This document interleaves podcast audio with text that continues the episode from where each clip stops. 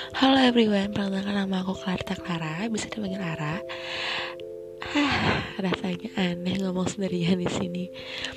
Aku mau coba buat podcast untuk cerita-cerita apa yang aku alami, mungkin tentang percintaan, pergal pergaulan, pergalauan, atau tentang pertemanan, atau bahkan atau tentang keluarga.